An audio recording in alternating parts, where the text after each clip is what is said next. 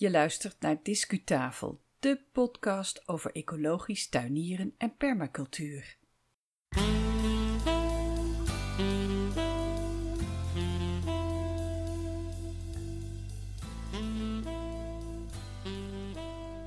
Fijn dat je weer een episode hebt gedownload van Discutafel Podcast. Dit is intussen aflevering 77 en die staat online sinds 7 mei 2020.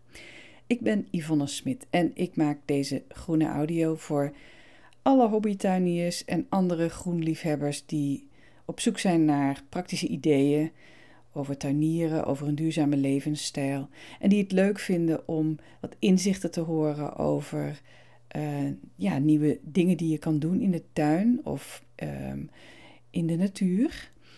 En die het leuk vinden om af en toe ook eens een audioreisje te maken naar een, eh, naar een andere tuin of naar een groen festival.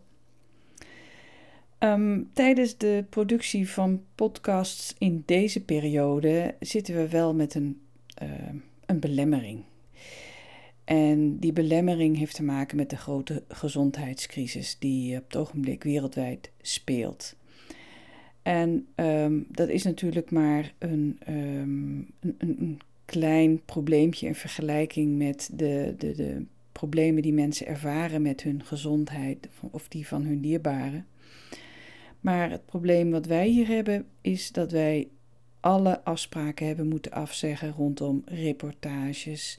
Dat we bijna geen gasten meer hebben in de show. Dat we zoveel mogelijk thuis moeten blijven. En toch wil ik dat je kunt blijven luisteren naar boeiende onderwerpen over groen.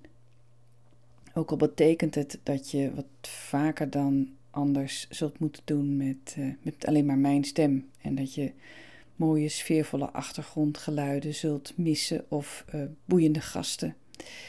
Ik hoop dat het uh, allemaal zo snel mogelijk weer wat, dat we wat meer vrijheid krijgen. Maar gezondheid staat natuurlijk voorop. En het, het fijne van, van een groene hobby is dat je eigenlijk alleen maar naar buiten hoeft te kijken. Of op je balkonnetje hoeft te gaan zitten. Of een keertje uh, in je tuin even actief hoeft te zijn. Om toch geboeid te kunnen blijven door al dat groen buiten. En uh, je hebt geleerd om te kijken naar de natuur en daar plezier in te hebben. Je daarover te verwonderen. En uh, er zijn heel veel mensen die dat geschenk nog niet hebben mogen ontvangen, zeg maar. En wij wel. Dus laten we dat maar koesteren.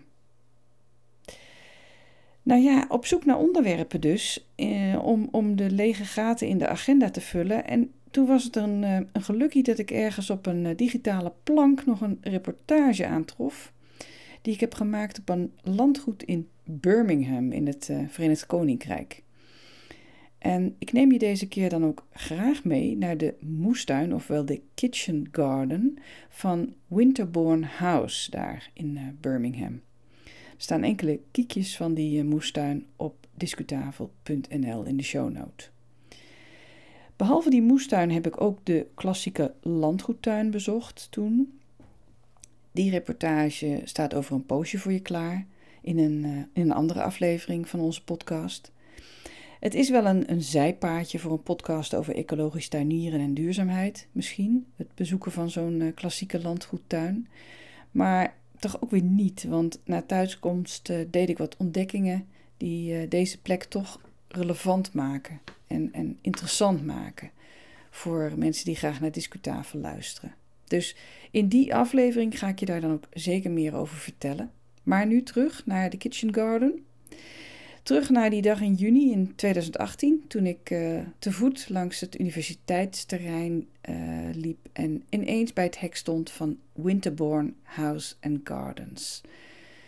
Um, het was voor mij een bestemming waar ik, uh, wat niet in mijn, in mijn planning stond, maar wat me was aangeraden door een passagier in het vliegtuig waar ik, waar ik in zat op weg naar Birmingham.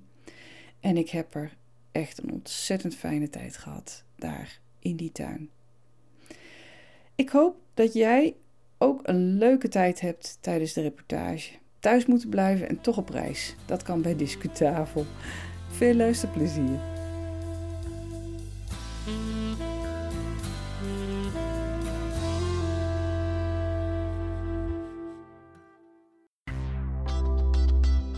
Discu-reportage.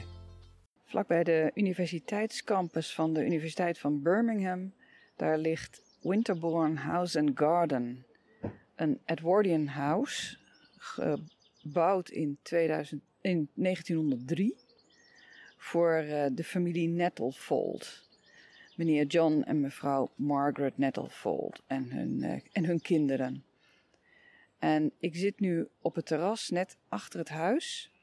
En ik heb zicht op het uh, grasveld, wat hier vlak langs het terras ligt. En ik, uh, ik, kijk richting de stad en ik zie dat de tuin in etages is opgebouwd. En opvallend is meteen de zogenoemde aha. Dat is een niveauverschil, waardoor het lijkt alsof je uh, de koeien, zal ik maar zeggen, in de tuin ziet lopen. Die AHA die werd uh, gebouwd om een scheiding aan te brengen. Eigenlijk was dat dus een, een, niveauverschil in de tuin. Daardoor kon je mooi ver weg kijken, maar kon je het vee kon je gescheiden houden van je mooie plantjes. Nou, van, uh, van vee is nu geen sprake meer, want wat ik zie zijn taxushagen. Ik zie een pergola, waarschijnlijk zit daar blauwe regen aan, maar dat moet ik nog eens even gaan ontdekken. Ik zie uh, bomen en struiken en prachtige bloemperken. Ik zie houten banken. En ik zie mensen kuierend op deze zondag midden juni 2018 door deze prachtige tuinen.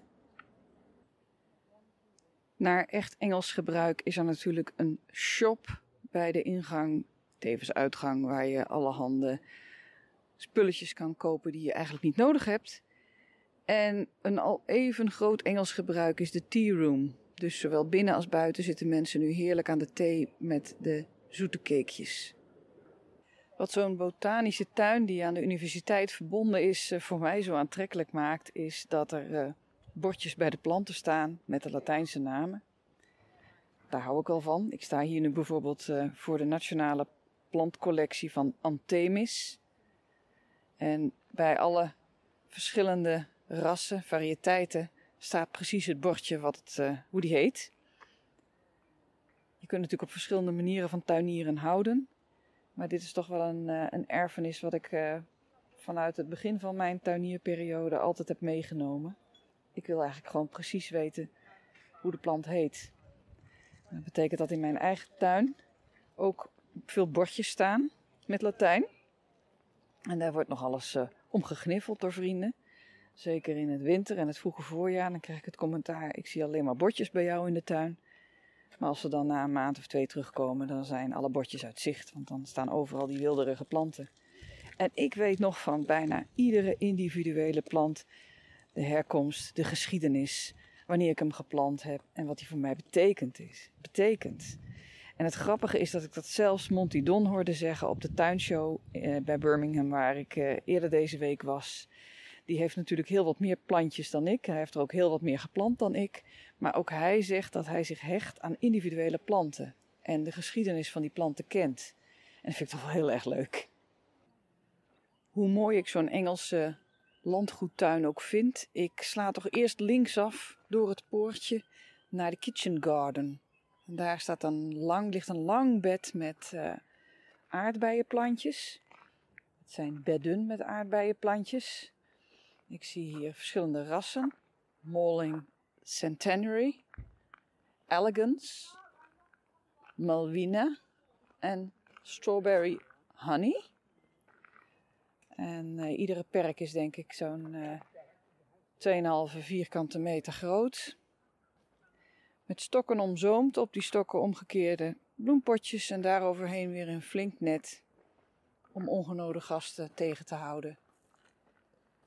Het bed ligt uh, tegen een muur aan. En aan de muur zie ik fruitbomen in een mooie waaiervorm gesnoeid. Ik kan zo niet goed zien of het de zuidelijke muur is, maar ik denk het wel. Het is uh, typical British weather, dus uh, het is nogal bewolkt. Maar zo te zien komt de zon precies van de andere kant. Ik loop over het kiezelpad naar de muurkas een metertje of twee hoog. Daarboven zie ik een uh, torenvalk bidden, zoals dat heet. Die hangt stil in de lucht. naar beneden te kijken, wapperend met de vleugels. Kijken of hij nog wat eh, prooi kan vinden. Kijk, nou vliegt hij berecht boven de kas. Schitterend. Naar de rode beuken toe en weg is hij. Die kas dus. Een mooie lange muurkas. Die zou dan op het westen gericht kunnen zijn of het zuidwesten. Oh, het is daar lekker warm. En daarin inderdaad warmte minnende planten. Ik zie banaan, bromelia, vleesetende plant. Gelukkig staat er een bordje bij, maar ik ga dat niet uitspreken. Wat er op dat bordje staat, want dat is onuitsprekelijk. Ja, voor de specialisten is dit prachtig. Hier komen we bij kamerplanten. Begonia, euphorbia met stekels. En zo loop ik over het rooster. Het water en de verwarming, denk ik ook. Ik denk dat hier de verwarming onder zit. Ik zie cilindervormige uh, metalen constructies onder dat rooster zitten. Ik denk dat daar, de, dat daar warm water door gaat of zo.